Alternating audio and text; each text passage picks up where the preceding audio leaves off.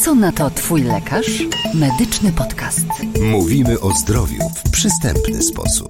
Zaprasza Dariusz Litera. Z jednej strony wyglądamy na umierających, gdy dopada nas zwykłe przeziębienie. Z drugiej, miesiącami potrafimy lekceważyć objawy, które mogą wskazywać na śmiertelną chorobę.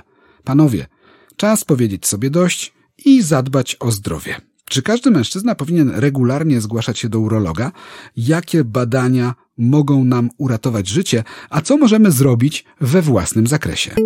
Co radzi twój lekarz? Dzisiaj twoim lekarzem jest urolog dr Waldemar Bączar. Dzień dobry. Witam Państwa, dzień dobry. Panie doktorze, co mężczyzna w każdym wieku może sam zrobić dla siebie, żeby być zdrowym? Wziąć sprawy w swoje ręce. To znaczy? Na początek badanie jąder. Po prostu? Po prostu pod prysznicem. Raz w miesiącu bierzemy, obmacamy je jarapiew jedno, później drugie. No i sprawdzamy, czy są elastyczne, czy nie bolą, czy nie ma jakichś zgrubień, jakichś w cudzysłowie takich guzków, które gdzieś tam mogą wystawać. Jeżeli nie, no to za miesiąc powtórka z rozrywki. Pod prysznicem, kiedy jest ciepło, moszna jest trochę rozciągnięta, bardziej elastyczna, to badanie trzeba wykonać. Bolesność jest taką wskazówką, że coś jest nie tak. To znaczy zazwyczaj bolesność, jądra są delikatnym narządem. Tak jak się nawet zdrowe jądro ściśnie, to ono zaboli. Natomiast jeżeli gdzieś ono jest wrażliwe w jakimś tam miejscu, to najprawdopodobniej mogło to być na przykład, nie wiem, po jeździe na rowerze, po jakimś, nie wiem, wychłodzeniu. Jakiś stan zapalny mógł się też robić. To nie jest od razu nowotwór. Natomiast jeżeli coś wymacamy, jakąś nieregularną, twardą zmianę w zakresie moszny, no to od razu odpalamy wrotki i urolog. I jest ten pierwszy opór. Najpierw to my nie pobiegniemy do, do tego urologa, tylko pójdziemy się zarejestrować. No i co mamy tej pani powiedzieć? No do urologa. A co panu jest? A co panu jest? W przychodniach, gdzie pracuję, zazwyczaj jest tak, że jeżeli pacjent przychodzi i jasno powie o co chodzi, która część ciała i co on tam wyczuł sobie, no to pani, które tak bardzo pomagają szybko dostać się do urologa. Oczywiście pacjenci wybierają zazwyczaj wizyty komercyjne, które są jakoś tam w ciągu tygodnia dostępne. No na fundusz nie. Później przechodzą z prywatnych wizyt na NFZ, bo oczywiście trzeba wykonać kilka tam innych dodatkowych badań, no, które trochę kosztują. Czyli wygląda to w ten sposób, że trzeba przełamać ten pierwszy opór mówić jasno co i jak, co tam wyczuliśmy, co się dzieje i co się dzieje już na samej wizycie. No na wizycie się dzieje, no pacjent się opowiada o tym, co sobie tam wymacał, co się dzieje, czy go boli, czy nie boli. No i oczywiście badanie USG. Jeżeli w badaniu USG widzimy jakąś nieregularną zmianę o niejednorodnej strukturze, taką na przykład bogato unaczynioną, no to już mamy podejrzenie, że coś się dzieje w tym jądrze złego. No dostaje pacjent skierowanie bądź zalecenie wykonania trzech takich markerów nowotworowych dotyczących jąder, no i musi się z tymi badaniami zgłosić powrotnie. Jak długo trwa wykonywanie tych badań? Mniej więcej ile się czeka na wyniki? W ciągu 24 godzin jest wynik. Natomiast z mojego doświadczenia, to jeżeli ja widzę coś takiego, daję pacjentowi skierowanie na te trzy markery i od razu dostaję skierowanie do szpitala, bo to jest w 100% trafione. Ostatni mój pacjent chyba z tego miesiąca w ciągu 12 dni był zoperowany, więc od pierwszego przyjścia zoperowany w 12 dni przyszedł na kontrolę. Trzy tygodnie teraz po zabiegu jest. Wszystko gra. Czyli zdrów jak ryba. Zdrów jak ryba. Priorytetem w urologii onkologicznej są nowotwory jąder. One muszą być na pniu przyjmowane.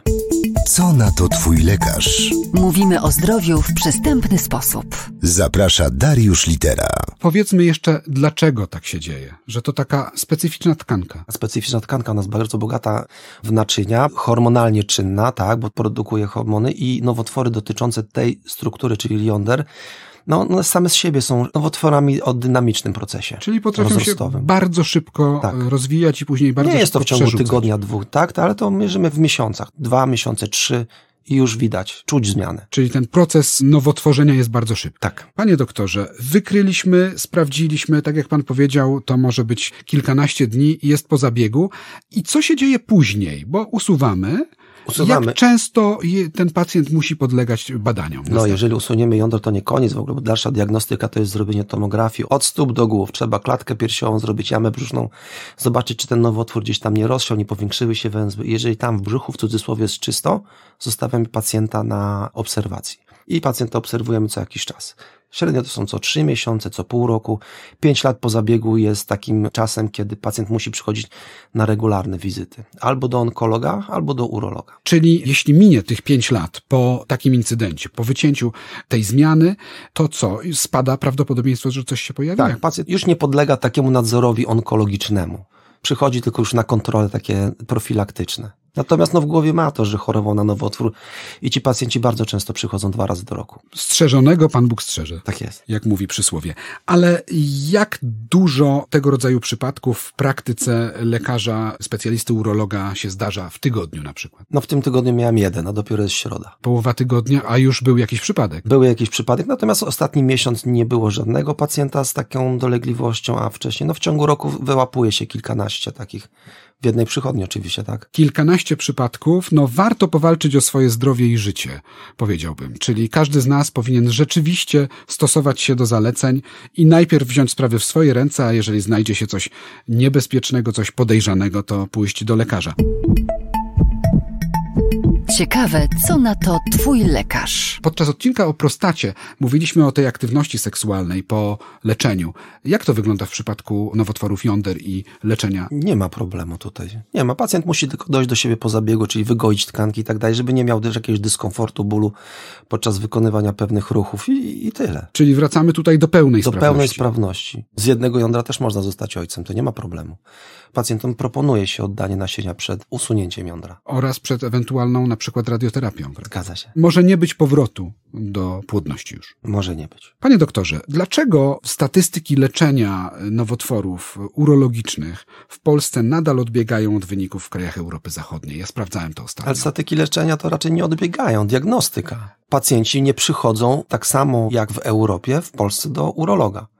W wielu krajach Europy obowiązkowym jest badanie urologiczne, czy to do zawarcia ubezpieczenia, czy to w pracy, już nie mówię o wojsku, gdzie tam na przykład w wieku 50 lat mężczyzna, żołnierz nie wykona PSA, to nie dostanie badania dopuszczającego na kolejną kadencję, na przykład na kolejny rok służby. Rozumiem. Generał nie poszedł na badania. Dziękujemy panu.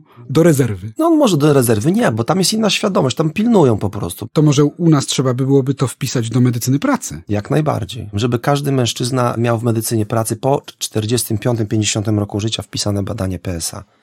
Aczkolwiek mamy ten program 40, no i on też tak średnio działa, bo kilkanaście procent słyszałem, że ludzi w ogóle, tak, czyli kobiet i mężczyzn to wykonało to badanie.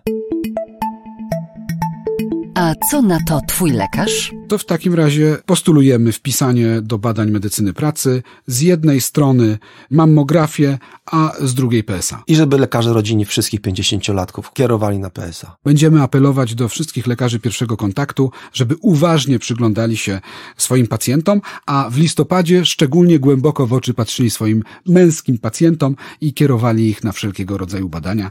Kierowali do urologów, by zadbać o ich zdrowie i by mogli uniknąć nowotworu, który jest jednym z dwóch najgroźniejszych nowotworów, jeśli chodzi o mężczyzn, prawda? Nowotwór prostaty jest najczęstszym albo drugim po raku płuca, natomiast umieralność na raka prostaty jest na drugim miejscu po płucach. Jest to co walczyć i jest czego unikać. Panowie, zgłaszamy się do lekarza i do pań też apel. Zadbajcie o swoich panów. Pogońcie ich. Pogońcie tych facetów. Poganiał facetów do badań w podcaście Co na to twój lekarz, specjalista urologii dr Waldemar Bączar. Serdecznie dziękujemy i mam nadzieję, że spotkamy się na antenie naszego podcastu wcześniej niż za rok. Dziękuję, do widzenia. Do widzenia. Co na to twój lekarz? Wszystkie odcinki medycznego podcastu dostępne są na stronie twójlekarz.net oraz na popularnych platformach streamingowych. Co tydzień nowy odcinek.